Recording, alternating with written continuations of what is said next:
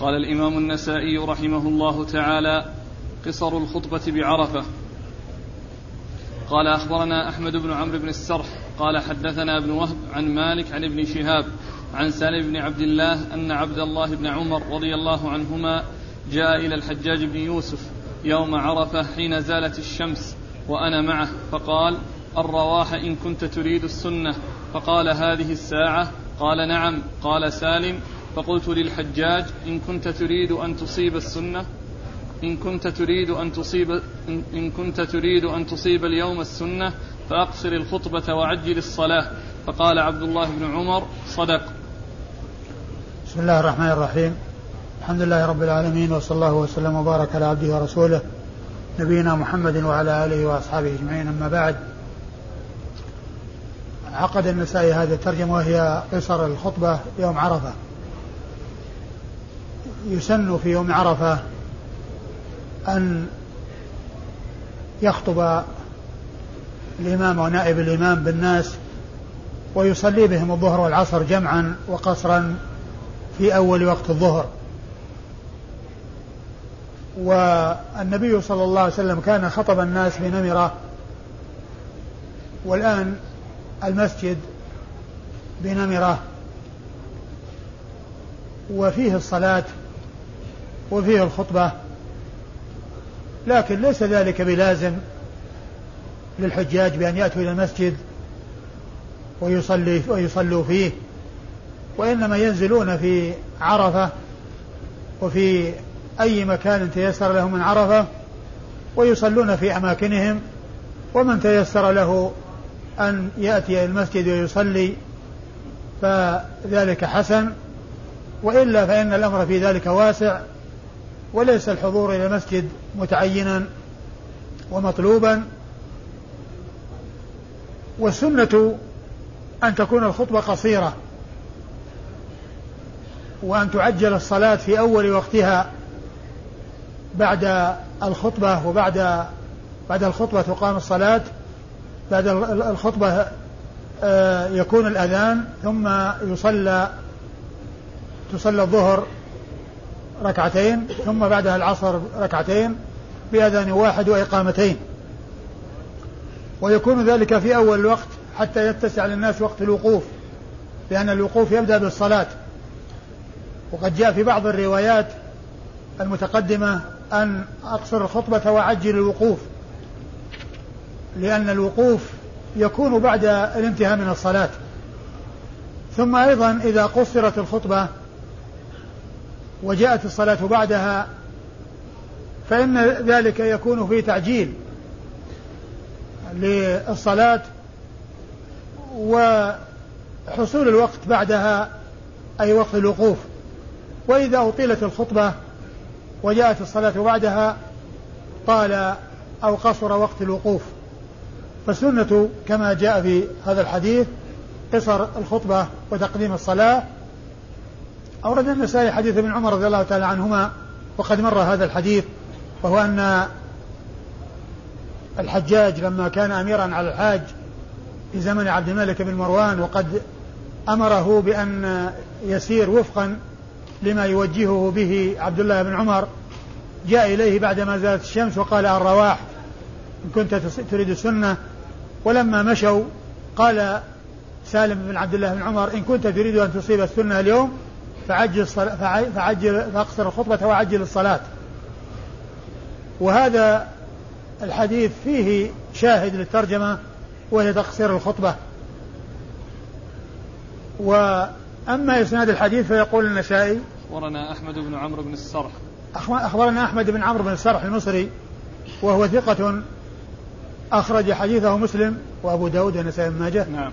مسلم وأبو داود والنسائي بن ماجه. عن ابن وهب. عن ابن وهب عبد الله بن وهب المصري ثقة فقيه أخرج حديثه أصحاب الكتب الستة عن مالك عن مالك بن أنس إمام دار الهجرة الإمام المشهور أحد أصحاب المذاهب الأربعة المشهورة من مذاهب أهل السنة وحديثه أخرجه أصحاب الكتب الستة. عن ابن شهاب. عن ابن شهاب محمد بن مسلم بن عبد الله بن شهاب الزهري ثقة فقيه أخرج حديثه أصحاب الكتب الستة. عن سالم. عن سالم بن عبد الله بن عمر بن الخطاب ثقة فقيه أحد فقهاء المدينة السبعة في عصر التابعين على أحد الأقوال الثلاثة في السابع منهم وحديثه أخرجه أصحاب الكتب الستة. عن عبد الله بن عمر بن الخطاب رضي الله تعالى عنهما أحد العبادلة الأربعة من أصحاب النبي صلى الله عليه وسلم وأحد السبعة المعروفين بكثرة الحديث عن النبي عليه الصلاة والسلام.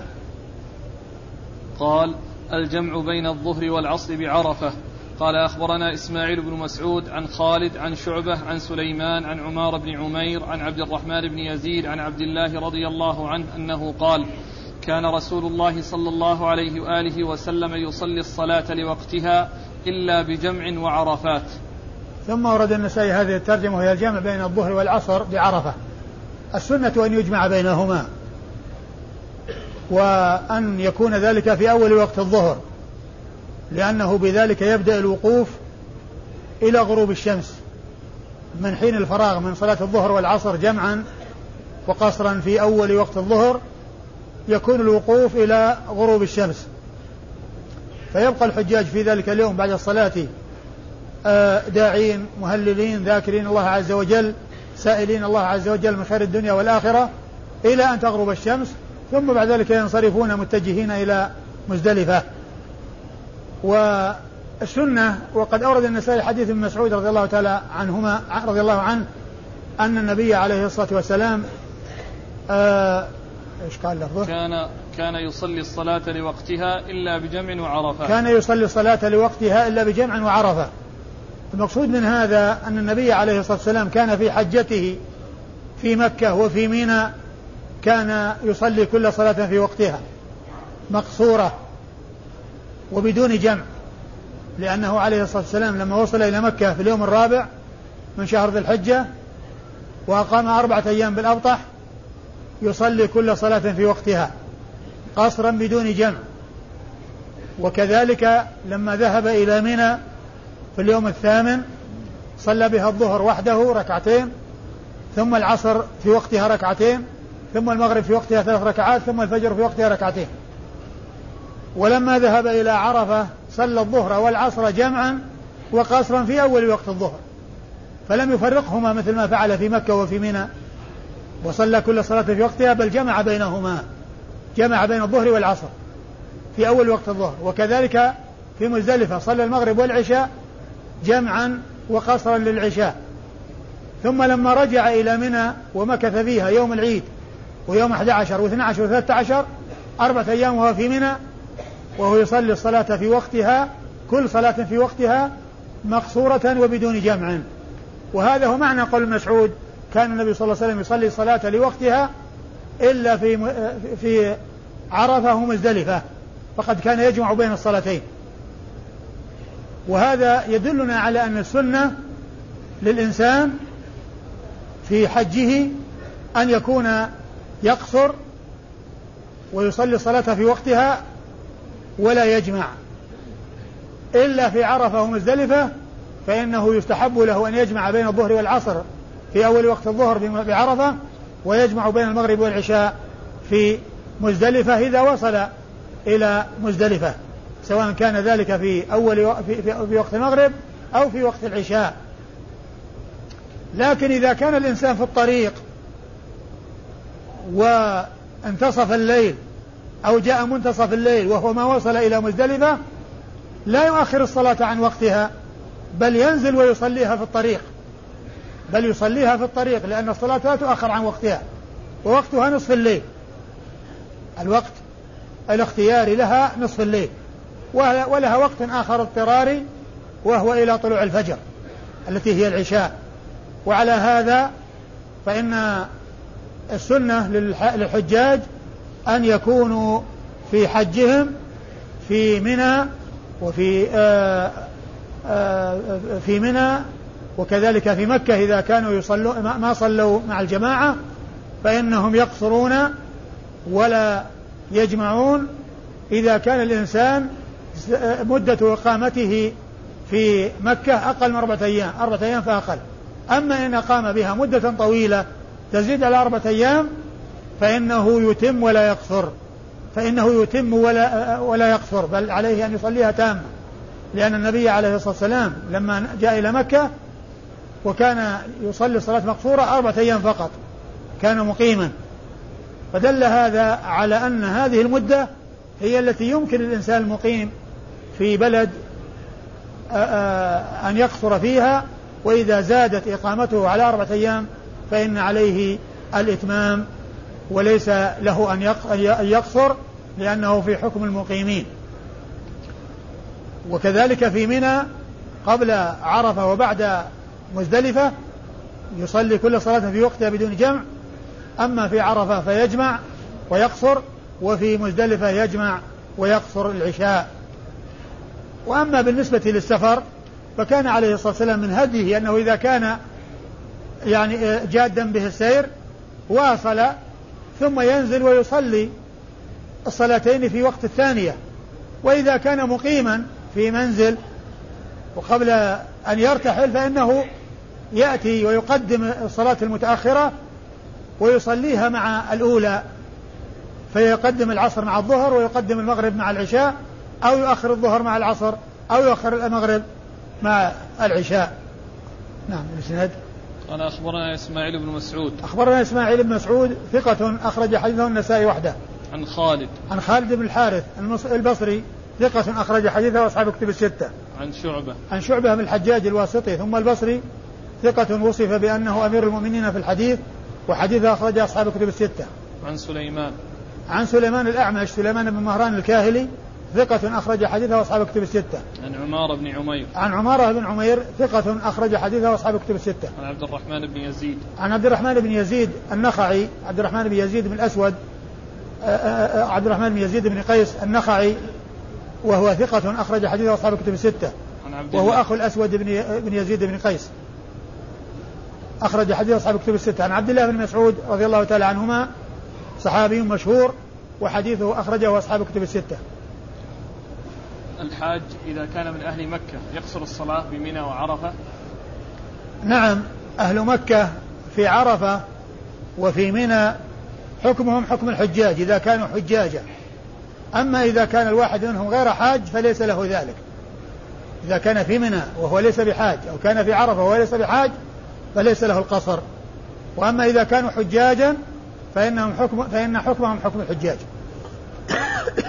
تسمية مزدلفة بجمع. تسمية مزدلفة بجمع هذا من أسمائها. تسمى جمع. ويقال لها المزدلفة ويقال لها المشعر الحرام. هذا من أسمائها نعم. قال باب رفع اليدين في الدعاء بعرفة. قال أخبرنا يعقوب بن إبراهيم عن هشيم قال حدثنا عبد الملك عن عطاء قال قال أسامة بن زيد رضي الله عنهما كنت رديف النبي صلى الله عليه وآله وسلم بعرفات.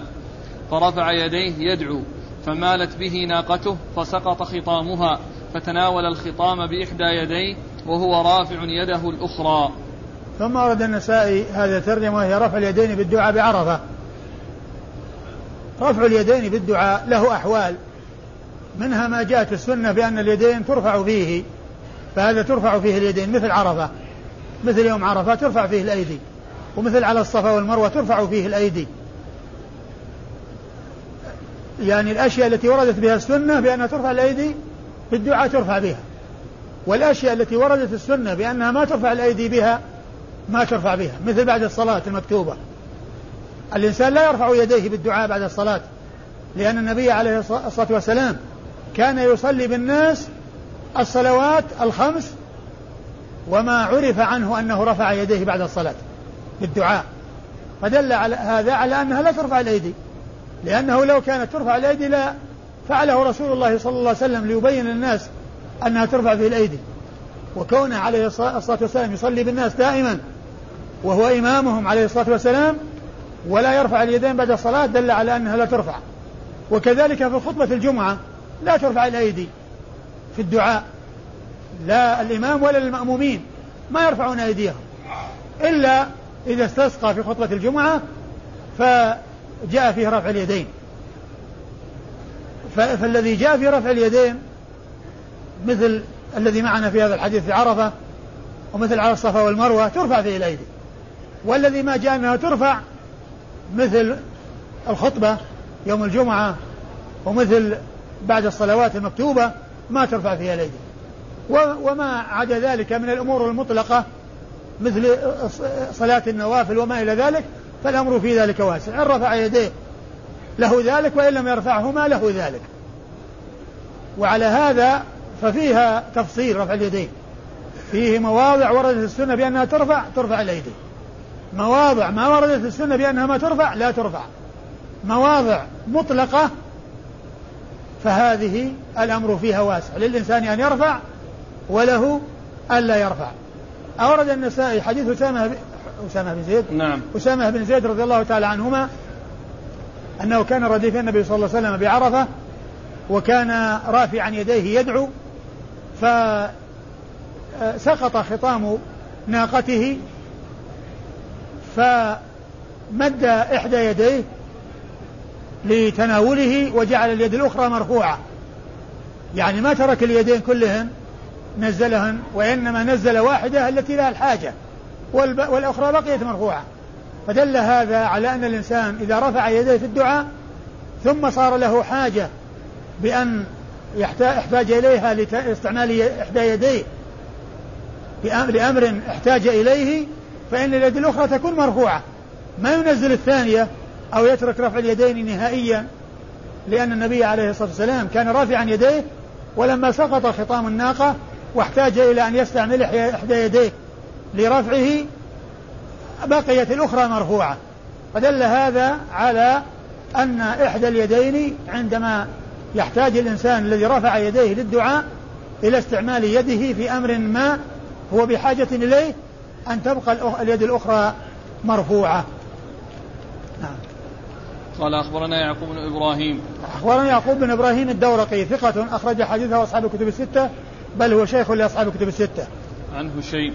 عن هشيم بن بشير الواسطي ثقة كثير التدليس والإرسال الخفي وحديثه أخرج أصحاب الكتب الستة.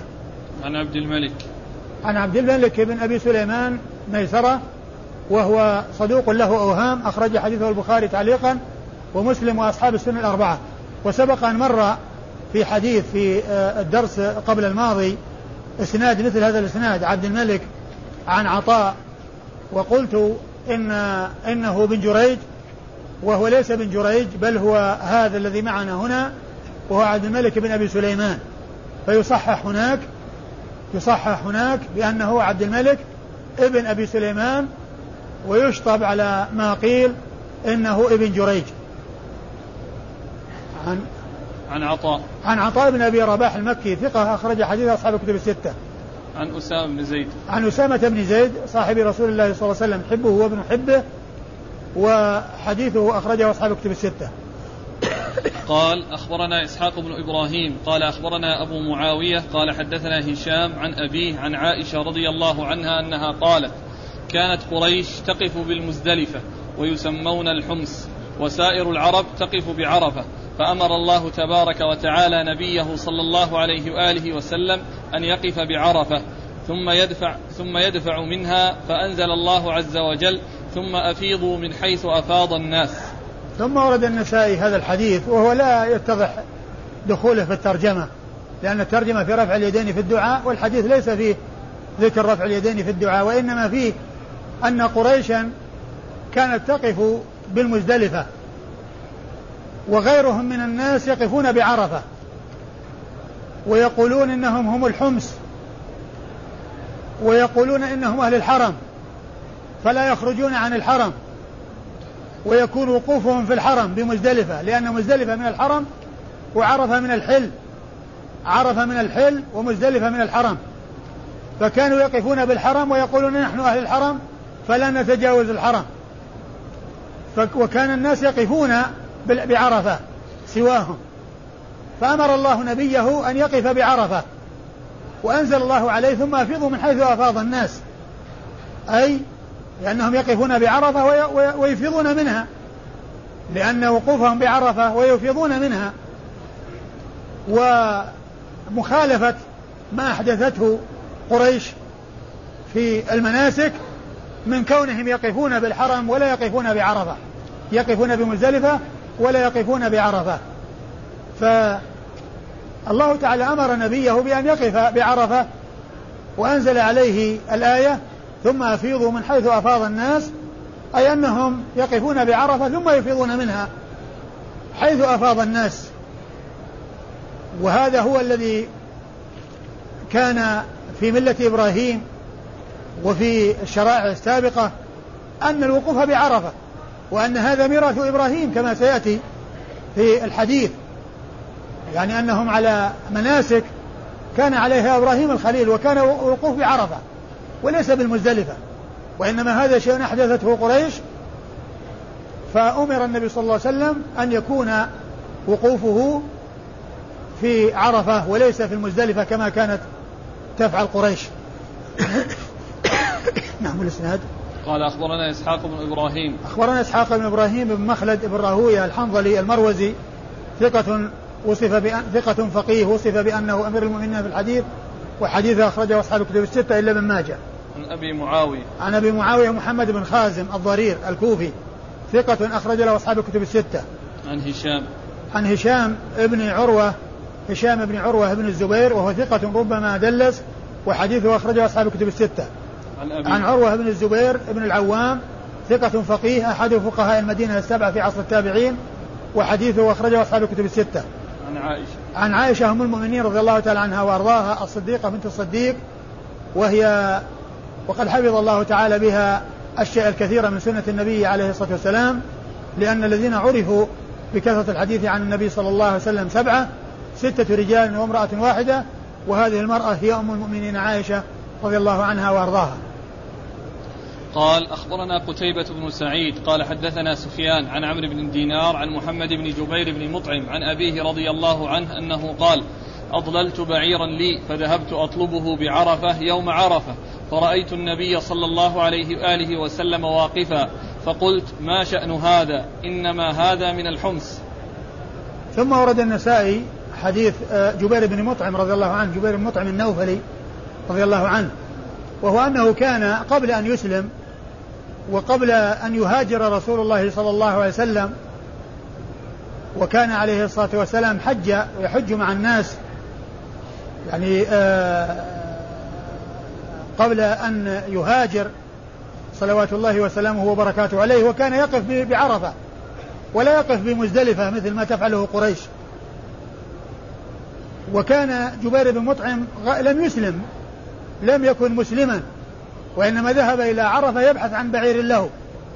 فرأى النبي صلى الله عليه وسلم في عرفة واقف فقال ما هذا؟ وإنما هو من الحمص. والحمص لا يقفون بعرفة وإنما يقفون بمزدلفة كما مر في الحديث الذي قبل هذا. يعني استغرب كونه من الحمص وهم من قريش وقريش إنما يقفون بالمزدلفة ولا يخرجون إلى عرفة. فهذا مما تحمله آه، جبير بن مطعم رضي الله عنه قبل إسلامه. وأيضا يعني جاء وهو مثل حديث آخر يعني آه، كان آه، يعني رواه أخبر به يعني شيء حصل له قبل أن يسلم قال يعني جاء إلى المسجد ورأى النبي صلى الله عليه وسلم يصلي بالناس وهو يقرأ بالطور وهو يقرأ بالطور وكتاب مسطور قال فكاد قلبي أن يطير كاد قلبي أن يطير ثم بعد ذلك أسلم يخبر بذلك بشيء حصل له قبل إسلامه. فهو, فهو إخباره عن عن عن هذا الذي حصل لرسول الله صلى الله عليه وسلم مثل إخباره لكونه سمع منه يقرأ بالطور وكتاب مسطور وقبل أن يسلم فلما تلاها كاد قلبه أن يطير.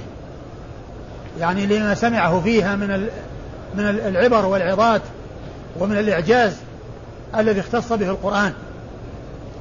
فهذا هذه الحجة التي آه، آه، جاءت في الحديث هي حجة للنبي صلى الله عليه وسلم قبل أن يهاجر نعم قال أخبرنا قتيبة بن سعيد أخبرنا قتيبة ابن سعيد ثقة ثقة آه، ثبت أخرج حديث أصحاب الكتب الستة. عن سفيان. عن سفيان بن عيينة ثقة أخرج حديث أصحاب الكتب الستة. عن عمرو بن دينار. عن عمرو بن دينار المكي ثقة أخرج له أصحاب الكتب الستة. عن محمد بن جبير. عن محمد بن جبير المطعم النوفلي وهو ثقة أخرج حديث أصحاب الكتب. نعم. ثقة أخرج حديث أصحاب الكتب الستة. عن أبيه جبير بن مطعم رضي الله عنه وحديثه أخرجه أصحاب الكتب الستة. يعني هذا الوقوف كان قبل البعثة قبل قبل البعثة أو قبل الهجرة لا أدري قال أخبرنا قتيبة قال حدثنا سفيان عن عمرو بن دينار عن عمرو بن عبد الله بن صفوان أن يزيد بن, شيب بن شيبان رضي الله عنه قال كنا وقوفا بعرفة مكانا بعيدا من الموقف فأتانا ابن مربع فأتانا ابن مربع الأنصاري رضي الله عنه فقال إني رسول رسول الله صلى الله عليه وآله وسلم إليكم. يقول كونوا على مشاعركم فإنكم على إرث من إرث أبيكم إبراهيم عليه السلام. ثم ورد النسائي يعني هذا الحديث حديث زيد بن مربع الأنصاري رضي الله تعالى عنه. وليس فيه أيضا ذكر ما يتعلق بالدعاء اللي الترجمة رفع اليدين في الدعاء وإنما هو يتعلق بالوقوف بعرفة. ولا علاقة له برفع اليدين في الدعاء. ويقول يزيد بن شيبان وهو صحابي آه، صغير آه، أنهم كانوا بعرفة وكانوا في مكان بعيد من الإمام موقف الرسول صلى الله عليه وسلم. المكان الذي وقف فيه الرسول صلى الله عليه وسلم هم بعيدين منه ولكنهم في عرفة. فجاءهم زيد بن مربع وقال إني رسول رسول الله إليكم. يقول كونوا على مشاعركم فإنكم على إرث من إرث أبيكم إبراهيم. يعني أنكم وإن لم تكونوا في المكان الذي أنا فيه فأنتم بعرفة وعرفة كلها موقف. عرفة كلها موقف. والنبي صلى الله عليه وسلم قال وقف وقفت ها هنا وعرفة كلها موقف. ما هو معناه الوقوف بالمكان الذي وقف فيه الرسول صلى الله عليه وسلم فقط؟ بل عرفة كلها موقف. وإنما قال ذلك تطيبا لخواطرهم وأنهم وإن كانوا ما هم عند عند في المكان الذي فيه النبي صلى الله عليه وسلم فإنهم في عرفة وعرفة كلها مواقف وقال إنكم على إرث من أبيكم إبراهيم. وهذا يفيد بأن لأن هذا موروث عن إبراهيم الخليل عليه الصلاة والسلام. وأن الوقوف بعرفة أنه من المشاعر التي كان عليها إبراهيم الخليل عليه الصلاة والسلام. وهذا خلاف ما أحدثته قريش في المناسك حيث كانوا يقفون بمزدلفة ولا يقفون بعرفة. وسائر الناس كانوا يقفون بعرفة. فهذا يفيد بأن عرفة كلها موقف وأن وأن هذا وأن هذه المشاعر هي موروثة من إبراهيم الخليل عليه الصلاة والسلام. نعم. قال أخبرنا قتيبة عن سفيان عن عمرو بن دينار. ثم ينبغي أن يعلم أن عرفة لها حدود ولها علامات على كل حاج أن يحرص على أن يكون داخل هذه الحدود ولا يكون خارجها ولا يكفي أن الإنسان يرى الجبل الذي يسمى جبل الرحمة من مكان بعيد ويقول إنه بعرفة فإنه يرى من خارج عرفة. ولكن عرفة لها بنايات مرتفعة مكتوب عليها بلغات مختلفة هنا مبتدأ عرفة. فالإنسان يحرص ويلزمه أن يكون وقوفه داخل هذه الحدود وداخل هذه العلامات. ولا يجوز له أن يكون خارج هذه الحدود وخارج هذه العلامات بل يجب عليه أن يكون داخلها. نعم. أخبرنا قتيبة عن سفيان عن عمرو بن دينار عن عمرو بن عبد الله بن صفوان. آه الثلاثة الأول مر ذكرهم قتيبة وسفيان بن عيينة وعمرو بن دينار وأما عمرو بن ابن عبد الله بن صفوان. عمرو بن عبد الله بن صفوان فهو صدوق. قال عنه صدوق شريف. أيوه أخرجه. البخاري في الأدب المفرد وأصحاب السنن. اخرج حديثه البخاري في الأدب المفرد وأصحاب السنن الأربعة. هذه كلمه شريف إيش معناها؟ يعني كأنه من أشراف قومه لأنه يطلق على الشخص الذي يكون يعني آه له شرف وله نبل وله تميز يقال له شريف. يعني آه كما يقال من أشراف القوم. أشراف القوم وسادات القوم. ويعني مثل ما قالوا في قيس بن بن عاصم قيس بن عاصم المنقري تميمي عندك ترجمة شوف إيش قال قال شريف من أو يعني اسمه؟ قيس بن عاصم. قيس بن عاصم بن سنان بن خالد المنقري أيوة. صحابي مشهور بالحلم. أيوة. نزل البصرة بس مشهور بالحلم نعم. لا هو كلمة شريف يعني يطلقونها على من له شرف في قومه وتميز في قومه. نعم. عن يزيد بن شيبان. عن يزيد بن شيبان صحابي صغير أخرج حديثه أصحاب السنة الأربعة. عن ابن مربع. عن عن زيد بن مربع وهو صحابي وهو رسول رسول الله صلى الله عليه وسلم إلى أولئك الناس وحديثه أخرجه أصحاب السنة الأربعة. قال أخبرنا يعقوب بن إبراهيم قال حدثنا يحيى بن سعيد قال حدثنا جعفر بن محمد قال حدثني أبي قال أتينا جابر بن عبد الله رضي الله عنهما فسألناه عن حجة النبي صلى الله عليه وآله وسلم فحدثنا أن نبي الله صلى الله عليه وآله وسلم قال عرفة كلها موقف. ثم ورد النسائي حديث جابر وأن النبي صلى الله عليه وسلم قال عرفة كلها موقف وهو يوضح الحديث الذي قبله. لأن يعني الحديث الذي قبله الناس الذين كانوا في في مكان بعيد من موقف الرسول صلى الله عليه وسلم وأرسل إليهم كونوا على مشاعركم فإنكم على ميراث على إرث من إرث أبيكم إبراهيم. هذا الحديث يوضحه يعني قال عرفة كلها موقف وأولئك كانوا في عرفة لكن أراد أن يطيب خاطرهم خواطرهم حتى لا يروا أنهم لما كانوا بعيدين من موقف الرسول صلى الله عليه وسلم أن هناك شيء من النقص عليهم. فقال إنكم على إرث وكونوا على مشاعركم. وهذا الحديث يقول عرفة كلها موقف. قال أخبرنا يعقوب بن إبراهيم. يعقوب بن إبراهيم مر ذكره. عن يحيى بن سعيد. عن يحيى بن سعيد القطان ثقة أخرج حديث أصحاب الكتب الستة. عن جعفر بن محمد. عن جعفر بن محمد بن علي بن حسين بن علي بن أبي طالب الملقب الصادق وهو صدوق أخرج حديثه البخاري في هذا المفرد ومسلم وأصحاب السنة الأربعة وهو إمام من أئمة أهل السنة. وكذلك أبوه جعفر بن محمد بن علي وكذلك أبوه محمد بن علي بن الحسين أيضا آه، ثقة آه، مشهور وإمام من أئمة أهل السنة وحديثه أخرجه أصحاب الكتب الستة وهما وجعفر وأبوه محمد إمامان من أئمة أهل السنة يحبونهم ويتولونهم وطريقتهم أن من كان من أصحاب النبي من كان من قرابة رسول الله صلى الله عليه وسلم وهو من أصحابه وهم يحبونه لصحبته ولقرابته ومن كان منهم ليس من الصحابة ولكنه من المؤمنين التق... من المؤمنين المتقين فهم يحبونه لتقواه ولقربه من رسول الله صلوات الله وسلامه وبركاته عليه. وهذا شأن هذين الإمامين وهما جعفر وأبوه محمد فإنهما من من المؤمنين وهما من أهل بيت الرسول صلى الله عليه وسلم فيحبون لإيمانهم وتقواهم ولقرابتهم من رسول الله صلوات الله وسلامه وبركاته عليه. عن جابر بن عبد الله الأنصاري رضي الله تعالى عنهما صحابي ابن صحابي وهو أحد السبعة المعروفين بكثرة الحديث عن النبي صلى الله عليه وسلم.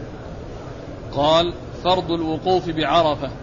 قال أخبرنا إسحاق بن إبراهيم قال أنبأنا وكيع قال حدثنا سفيان عن بكير بن عطاء عن عبد الرحمن بن يعمر رضي الله عنه أنه قال شهدت رسول الله صلى الله عليه وآله وسلم فأتاه ناس فسألوه عن الحج فقال رسول الله صلى الله عليه وآله وسلم الحج عرفة فمن أدرك ليلة عرفة قبل طلوع الفجر من ليلة جمع فقد تم حجه ثم ورد النسائي فرض الوقوف بعرفة. والأحاديث التي تقدمت بعد الحديث الأول الذي هو يتعلق بالدعاء هي هي ألصق بهذا الباب لأنها كلها تتعلق بالوقوف بعرفة. هي ألصق بهذا الباب الذي بعدها لأن الترجمة هي رفع اليدين بالدعاء بعرفة ما فيه يعني حديث يعني يتعلق بهذا إلا حديث واحد. والأحاديث التي بعده هي تتعلق بهذا الباب لأنها تتعلق بالوقوف بعرفة. فهي ألصق بهذا الباب وليست لها علاقة في الباب الذي قبله في الباب الذي وضعت فيه. والوقوف بعرفة ركن من أركان الحج. لا يتم الحج إلا به. وهو له أمد محدد. إذا انتهى فات الوقوف. ولا يمكن للإنسان أن يحج في ذلك العام الذي جاء حاجا فيه.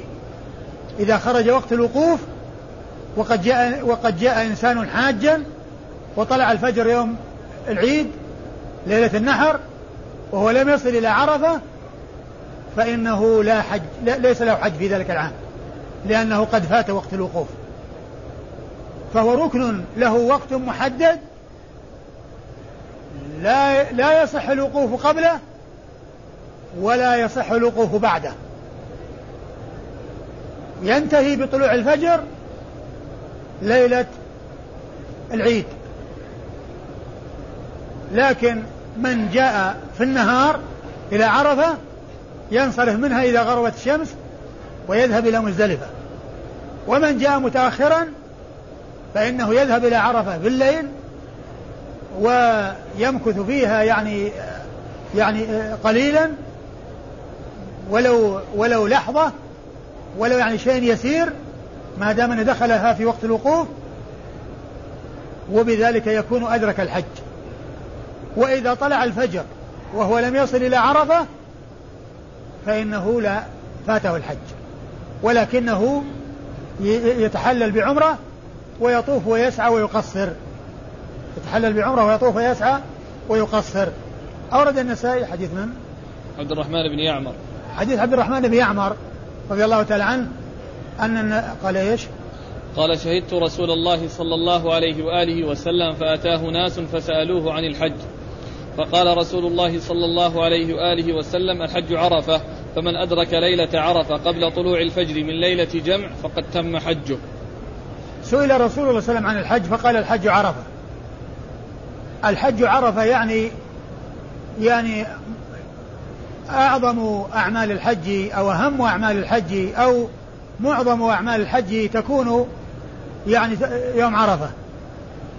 بمعنى أن يوم عرفة الوقوف في في في عرفة في يوم عرفة ركن لا بد منه. وأيضا يترتب عليه أنه إذا فات فات الحج بخلاف بقية الأركان فإنها لا تفوت. مثل الطواف والسعي لو ما يسعى الإنسان إلا بعد مدة. ولو نسي الإنسان وخرج من مكة وهو لم يطف ولم يسعى يمكنه أن يرجع ويطوف ويسعى. لكن إذا طلعت الفجر يوم العيد ليلة ليلة ليلة, ليلة النحر يعني يوم النحر خلاص انتهى. من لم يصل إلى عرفة قبل ذلك الوقت فاته الوقوف. فإذا أهم أعمال الحج وأعظم أعمال الحج التي لها وقت محدد والتي إذا فاتت فات الحج هي عرفة. و وهذا ليس معنى ذلك أن الحج كله عرفة بل عرفة وغير عرفة. لكن هذا ليبين أهمية الوقوف بعرفة. وهو مثل الدين النصيحة. الدين النصيحة يعني أن شأنها في الدين في الدين عظيم النصيحة فكذلك عرفة شأنها في الحج عظيم. ولها وقت محدد يفوت الحج بفواته. وغيره من الأركان لا يفوت بل يمكن تداركه الطواف والسعي. يمكن تداركها ولو بعد مدة طويلة. لكن هذا خلاص ما دام انه طلع الفجر وهو واصل لعرفة راح انتهى.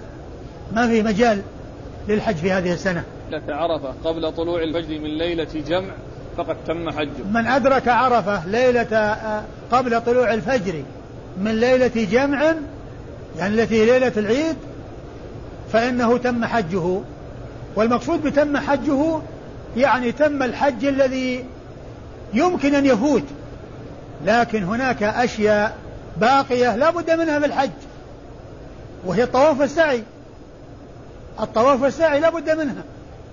ما يقال خلاص الحج انتهى لكن تم تم الحج أي قارب التمام أو تم الشيء الذي هو محدد ولو فات فات الحج.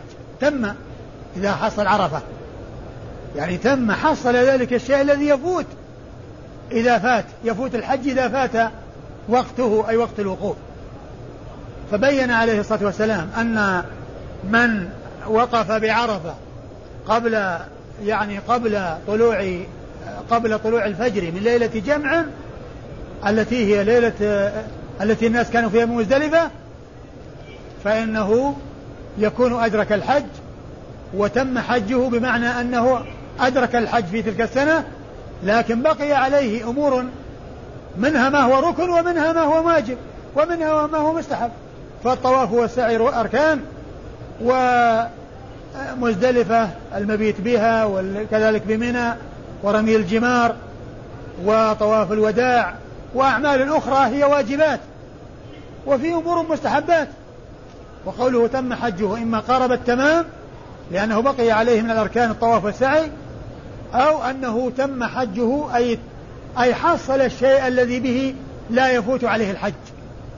لأنه لو فاته الوقوف وطلع الفجر وهو ما وصل إلى عرفة خلاص ما في مجال الحج هذه السنة. راح انتهى. أيوه. قال أخبرنا إسحاق بن إبراهيم عن وكيع. إسحاق بن إبراهيم مر ذكره وكيع بن الجراح الرؤاسي الكوفي ثقة أخرج حديث أصحاب الكتب الستة. عن سفيان. عن سفيان الثوري سفيان بن سعيد مسروق الثوري ثقة فقيه آه وصف بأنه أمير المؤمنين في الحديث وحديث أخرج أصحاب الكتب الستة. عن بكير بن عطاء. عن؟ بكير بن عطاء. عن بكير بن عطاء وهو؟ ثقة أخرج له أصحاب السنن. وهو بكير بن عطاء ثقة أخرج له أصحاب السنن الأربعة. عن عبد الرحمن بن يعمر. عن عبد الرحمن بن يعمر وهو صحابي صغير أخرج حديثه. أصحاب السنن. أخرج حديث أصحاب السنن الأربعة. قال أخبرنا محمد بن حاتم قال حدثنا حبان قال أخبرنا عبد الله عن عبد الملك بن أبي سليمان عن عطاء عن ابن عباس عن الفضل بن عباس رضي الله عنهم أنه قال أفاض رسول الله صلى الله عليه وآله وسلم من عرفات وردفه أسامة بن زيد رضي الله عنهما فجالت به الناقة. وهو رافع يديه لا تجاوزان رأسه. فما زال يسير على هينته حتى حتى انتهى إلى جمع. ثم أورد النسائي حديث الفضل بن عباس أن النبي صلى الله عليه وسلم أفاض من عرفة. يعني ذكر ذكر في الوقوف بعرفة أو فرض الوقوف بعرفة يتعلق بأفاض من عرفة. لأنه كان في عرفة فأفاض منها. لأن الإفاضة من الشيء تستلزم وجود ذلك الشيء. أفاض من عرفة يعني أنه كان بعرفة. أي كان بعرفة. إيش قال؟ أفاض من عرفة. وردفه أسامة بن زيد. وردفه يعني أردف أسامة بن زيد. أردف أسامة بن زيد على على على راحلته التي هو عليها صلى الله عليه وسلم. أيوه. فجالت به الناقة وهو رافع يديه لا تجاوزان رأسه. فجالت به الناقة يعني تحركت أو مالت وهو رافع يديه لا تجاوزان رأسه يعني معناه يعني ماسك خطامها يعني آه، حتى لا تسرع وحتى يعني لا يحصل منها اقدام وسرعة يعني كبح جماحها بكونه رافع رافع خطامها حتى أن رأسها يقرب من الرحل. كما جاء ذلك مبينا في الروايات الأخرى. فكان رافعا يديه يعني في مسك الخطام. يعني آه لا تجاوز رأسه. يعني معناه أنه ما ينزلها. لأنها لو نزلها تمكنت الناقة من أنها تسرع. ولكنه إذا كبحها و يعني آه، جرها بخطامها ورفعها بخطامها فإنها بذلك لا تتمكن من السير. وكان عليه الصلاة والسلام يسير يعني آه، على مهل ويشير الناس السكينة السكينة كما سيأتي في الأحاديث. السكينة السكينة فليس البر بالإيضاع ليس البر هو الإسراع. نعم. قال أخبرنا محمد بن حاتم. محمد بن حاتم بن نعيم المروزي ثقة أخرج حديث النسائي وحده. عن حبان. عن حبان بن موسى المروزي وهو ثقة أخرج حديث البخاري ومسلم وأبو داود والنسائي البخاري ومسلم والترمذي والنسائي. البخاري ومسلم والترمذي والنسائي. عن عبد الله. عن عبد الله بن المبارك المروزي ثقة أخرج حديث أصحاب كتب الستة. عن عبد الملك بن أبي سليمان عن, عن عطاء عن ابن عباس عن الفضل بن عباس. عن عبد الملك بن أبي سليمان عن عطاء عن ابن عباس وقد مر ذكرهم. عن الفضل بن عباس آه، ابن عبد المطلب ابن عم النبي صلى الله عليه وسلم وهو وهو الأكبر من أولاد العباس. لأنه يكنى بأبي الفضل ولبابة بنت الحارث الهلالية تكنى بها به قال لها أم الفضل وهو أكبر أولاد العباس وحديثه أخرجه أصحاب كتب الستة. قال أخبرنا إبراهيم بن يونس بن محمد قال حدثنا أبي قال حدثنا حماد عن قيس بن سعد عن عطاء عن ابن عباس أن أسامة بن زيد رضي الله عنهم قال أفاض رسول الله صلى الله عليه وآله وسلم من عرفة وأنا رديفه. فجعل يكبح راحلته حتى أن ذفراها لا يكاد يصيب قادمه. حتى حتى أن ذفراها لا يكاد يصيب قادمة الرحل وهو يقول يا أيها الناس عليكم بالسكينة والوقار فإن البر ليس في إيضاع الإبل. ثم ورد النسائي حديث أسامة بن زيد وهو مثل ما جاء عن الفضل الذي قبل هذا الفضل بن عباس الذي قبل هذا كان أسامة رديف النبي صلى الله عليه وسلم وكان يعني كابحا جي كان كابحا. فجعل يكبح راحلته. يكبح راحلته حتى أن ذفراها يمس قادمة الرحل. يعني الرحل الذي يركب عليه الراكب وفيه أعواد في الأمام وأعواد في الخلف حتى أن رأسها أو ذفراها وهو يعني جانب الأذنين جانب الأذن يعني يكاد يصل إلى قادمة الرحل. لكونه يردها حتى لا تسرع. والذفرة والذفرة يعني آه، مؤنث وتثنيتها ذفريان. فهي هنا ذفراها مقصود به واحد مؤنثة الألف للتأنيث. ليس يعني هذه مثنى ويكون مرفوع بالألف لأن المثنى منصوب بالألف منصوب بالألف. المثنى ينصب بالياء. يعني كأن ذفريها لو كان مقصود ذفر. ولكن المفرد ذكر ذفرا وليس ذفر المفرد ذفرا مؤنث الألف للتأنيث. يكاد يصل قادمة الرحل يعني أن رأسها يكاد يعني ال ال يعني ما كان متصلا بالأذنين من الرأس يكاد يصل إلى قادمة الرحل وهي العود الذي هو مقدمة الرحل. أيوه. ويقول السكينة يقول السكينة السكينة السكينة والوقار فإن البر ليس بإيضاع الإبل. البر ليس بالإسراع لأن الإيضاع هو الإسراع. يعني ومنه قول الله عز وجل ولا أوضعوا خلالكم. يعني أسرعوا. فالإيضاع هو الإسراع ليس البر بالإيضاع والإسراع. وإنما المطلوب هو السكينة والهدوء حتى لا يضر أحد بأحد. نعم. قال أخبرنا إبراهيم بن يونس بن محمد. أخبرنا إبراهيم بن يونس بن محمد البغدادي وهو ثقة. وهو صدوق أخرج له النسائي وحده. وهو صدوق أخرج حديث النسائي وحده. عن أبيه وهو ثقة أخرج حديث أصحاب الكتب الستة. عن حماد. عن حماد عن حماد بن سلمة؟ نعم. عن حماد بن سلمة؟ نعم نعم. عن حماد بن سلمة وهو ثقة أخرج حديثه البخاري تعليقا ومسلم وأصحاب السنن الأربعة. عن قيس بن سعد. عن قيس بن سعد وهو ثقة أخرج حديث أصحاب الكتب الستة.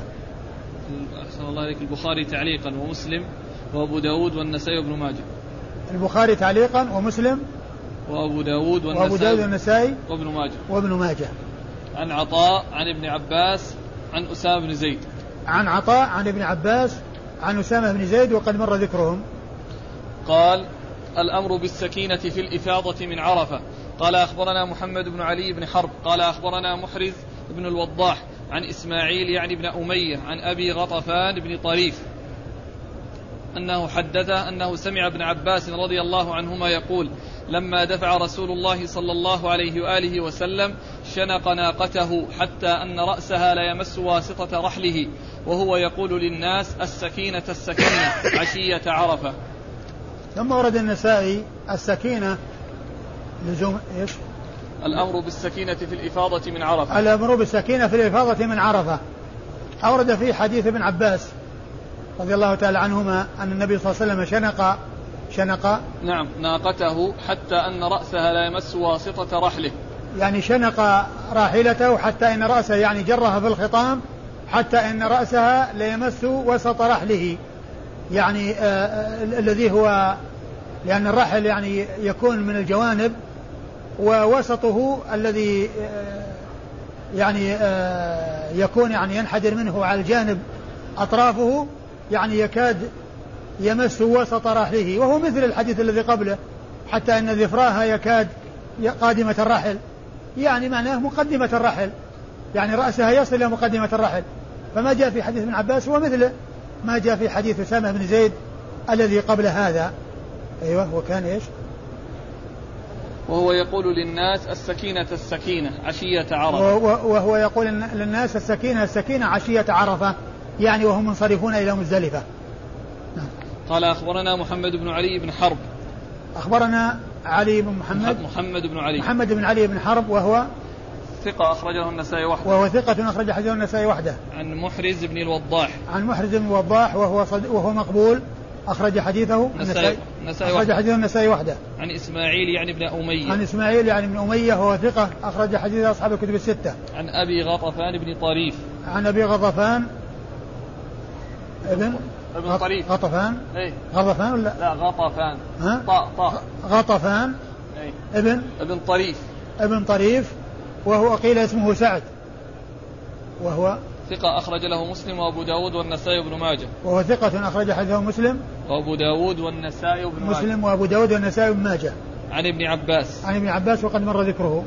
قال أخبرنا قتيبة قال حدثنا الليث عن أبي الزبير عن أبي معبد مولى ابن عباس عن ابن عباس عن الفضل بن عباس رضي الله عنهم وكان رديف رسول الله صلى الله عليه وآله وسلم أن رسول الله صلى الله عليه وآله وسلم قال في عشية عرفة وغداة, وغداة جمع للناس حين دفعوا عليكم السكينة وهو كاف ناقته حتى إذا دخل محسرا وهو من منى.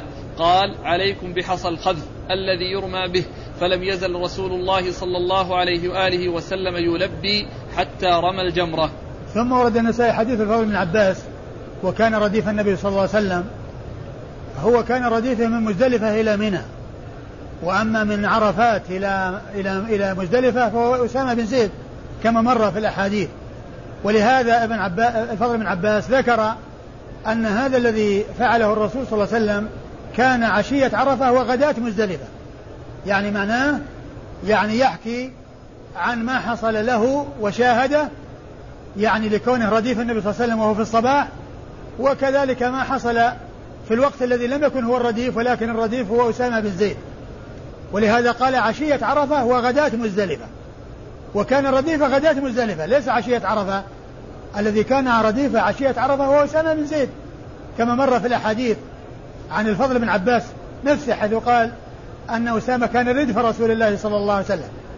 وإذا فقوله كنت رديف أي في الذهاب من مزدلفة إلى إلى منى. وقد أخبر بأنه كان يأمر الناس بالسكينة في انصرافه عشية عرفة وغداة مزدلفة. يعني من منصرفه من عرفة ومن في أول في أول الليل ومن منصرفه في من مزدلفة إلى منى في الصباح. بعد يعني ما بعدما أصبح وأسفر جدا قبل طلوع الشمس انصرف متجها إلى منى وكان رديفه الفضل بن عباس رضي الله تعالى عنه. نعم. مش بعده وهو كاف ناقته. وهو كاف ناقته يعني مثل ما تقدم يعني يعني آه، آه، آه، كافها عن عن السير وذلك بمسك حطامها حتى يقرب رأسها من الرحل الذي عليه الرسول صلى الله عليه وسلم لئلا لئلا تتمكن من الإسراع. حتى إذا دخل محسرا وهو من منى قال عليكم بحصى الخذف الذي يرمى به. حتى إذا دخل محسرا وهو من منى محسر محسر هو وادي هو في طرف منى من جهة مزدلفة. وقيل إنه بين عرب بين مزدلفة و بين مزدلفة ومنى. وهذا الحديث يقول وهو من منى. يعني وادي محسر هو من منى.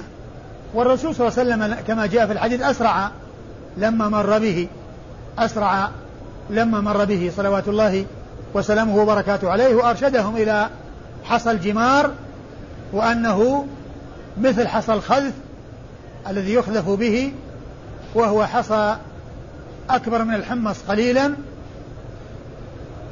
فيرمى به بهذا المقدار ولا يجوز الزيادة على ذلك لأن هذا من الغلو لأن النبي عليه الصلاة والسلام لما لقط له الفضل بن عباس وهو منصرف من مزدلفة إلى الجمرة لقط له سبع حصيات فجعل يقلبهن بيده والناس يرون فقال وهو مثل حصى الخذف فقال بمثل هذا فرموا وإياكم والغلو فإنما أهلك من كان قبلكم الغلو في الدين نعم. فلم يزل يلبي فلم يزل رسول الله صلى الله عليه وآله وسلم يلبي حتى رمى الجمرة فلم يزل رسول الله يلبي حتى رمى الجمرة يعني معناها أن التلبية للحاج تستمر إلى حين الوصول إلى جمرة العقبة ورميها. قال أخبرنا قتيبة عن الليث. قتيبة مر ذكره الليث بن سعد ثقة فقيه آه، أخرج حديثه أصحاب الكتب الستة. عن أبي الزبير. عن أبي الزبير محمد بن مسلم بن تدرس المكي صدوق يدلس وحديثه أخرجه أصحاب الكتب الستة. عن أبي معبد مولى بن عباس عن أبي معبد مولى بن عباس وهو اسمه نافذ وهو ثقة أخرج حديث أصحاب الكتب الستة. عن ابن عباس عن الفضل بن عباس. عن عن ابن عباس عن أخيه الفضل بن عباس وقد مر ذكرهم. قال أخبرنا محمد بن منصور. قال حدثنا أبو نعيم. قال حدثنا سفيان. هو عمرو بن منصور. قال أخبرنا عمرو بن منصور. قال حدثنا أبو نعيم. قال حدثنا سفيان عن أبي الزبير عن جابر رضي الله عنه أنه قال أفاض رسول الله صلى الله عليه وآله وسلم وعليه السكينة وأمرهم بالسكينة وأوضع في وادي محسر وأمرهم أن يرموا الجمرة بمثل حصى الخذف ثم ورد النسائي حديث جابر. حديث جابر بن عبد الله الأنصاري رضي الله تعالى عنهما. إيش قال في أوله؟ أفاض رسول الله صلى الله عليه وآله وسلم وعليه السكينة وأمرهم بالسكينة. أفاض رسول الله صلى الله عليه وسلم يعني من عرفة ومن مزدلفة. يعني كل منهما أفاض وعليه السكينة وأمر بالسكينة. فهو عليه الصلاة والسلام عليه السكينة يعني يسير سيرا خفيفا يعني بهدوء وليس بسرعة ولهذا يمسك خطام ناقته حتى يصل رأسها إلى رحله. ويأمرهم بالسكينة ويقول ليس البر بالإيضاع. أيوة. وأوضع في وادي محسر. وأوضع في وادي محسر يعني أسرع. أوضع يعني أسرع لما جاء وادي محسر أسرع عليه. لأنه مكان حصل فيه العذاب لأهل الفيل. وكان عليه الصلاة والسلام يسرع إذا مر بأمكنة العذاب. كما أسرع لما ذهب إلى تبوك. لما مر بديار يعني ثمود أسرع فيها حتى تجاوزها.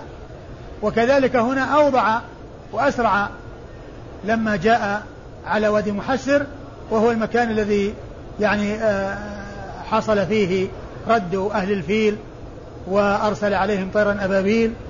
نعم. وأمرهم أن أن يرموا الجمرة بمثل حصى الخذف وأمرهم أن يرموا الجمرة بمثل حصى الخذف نعم. قال أخبرنا عمرو بن منصور عمرو بن منصور هنا قال محمد بن منصور. محمد بن منصور من شيوخ النسائي محمد بن منصور اثنان. محمد بن منصور الطوسي ومحمد بن منصور الجواز المكي. وليس فيهم أحد يروي عن أبي نعيم كما في تهذيب الكمال. لكن الذي يروي عن أبي نعيم ويأتي عند النسائي في مواضع عديدة ومنها موضع سيأتي قريبا هو عمرو بن منصور النسائي. وهو ثقة أخرج حديثه النسائي وحده وأيضا جاء في تحفة الأشراف عمرو بن منصور. لما ذكر الحديث في تحفة الأشراف قال عمرو بن منصور ما قال محمد بن منصور فهو عمرو بن منصور النسائي وليس محمد بن منصور. وعمرو بن منصور النسائي ثقة أخرج حديثه النسائي وحده. عن أبي نعيم وهو الفضل بن دكين الكوفي ثقة أخرج حديثه أصحاب الكتب الستة. عن عن سفيان. عن سفيان الثوري سفيان بن سعيد بن مسروق الثوري وقد مر ذكره عن أبي الزبير عن جابر. عن أبي الزبير عن جابر وقد مر ذكرهم. قال أخبرني أبو داود.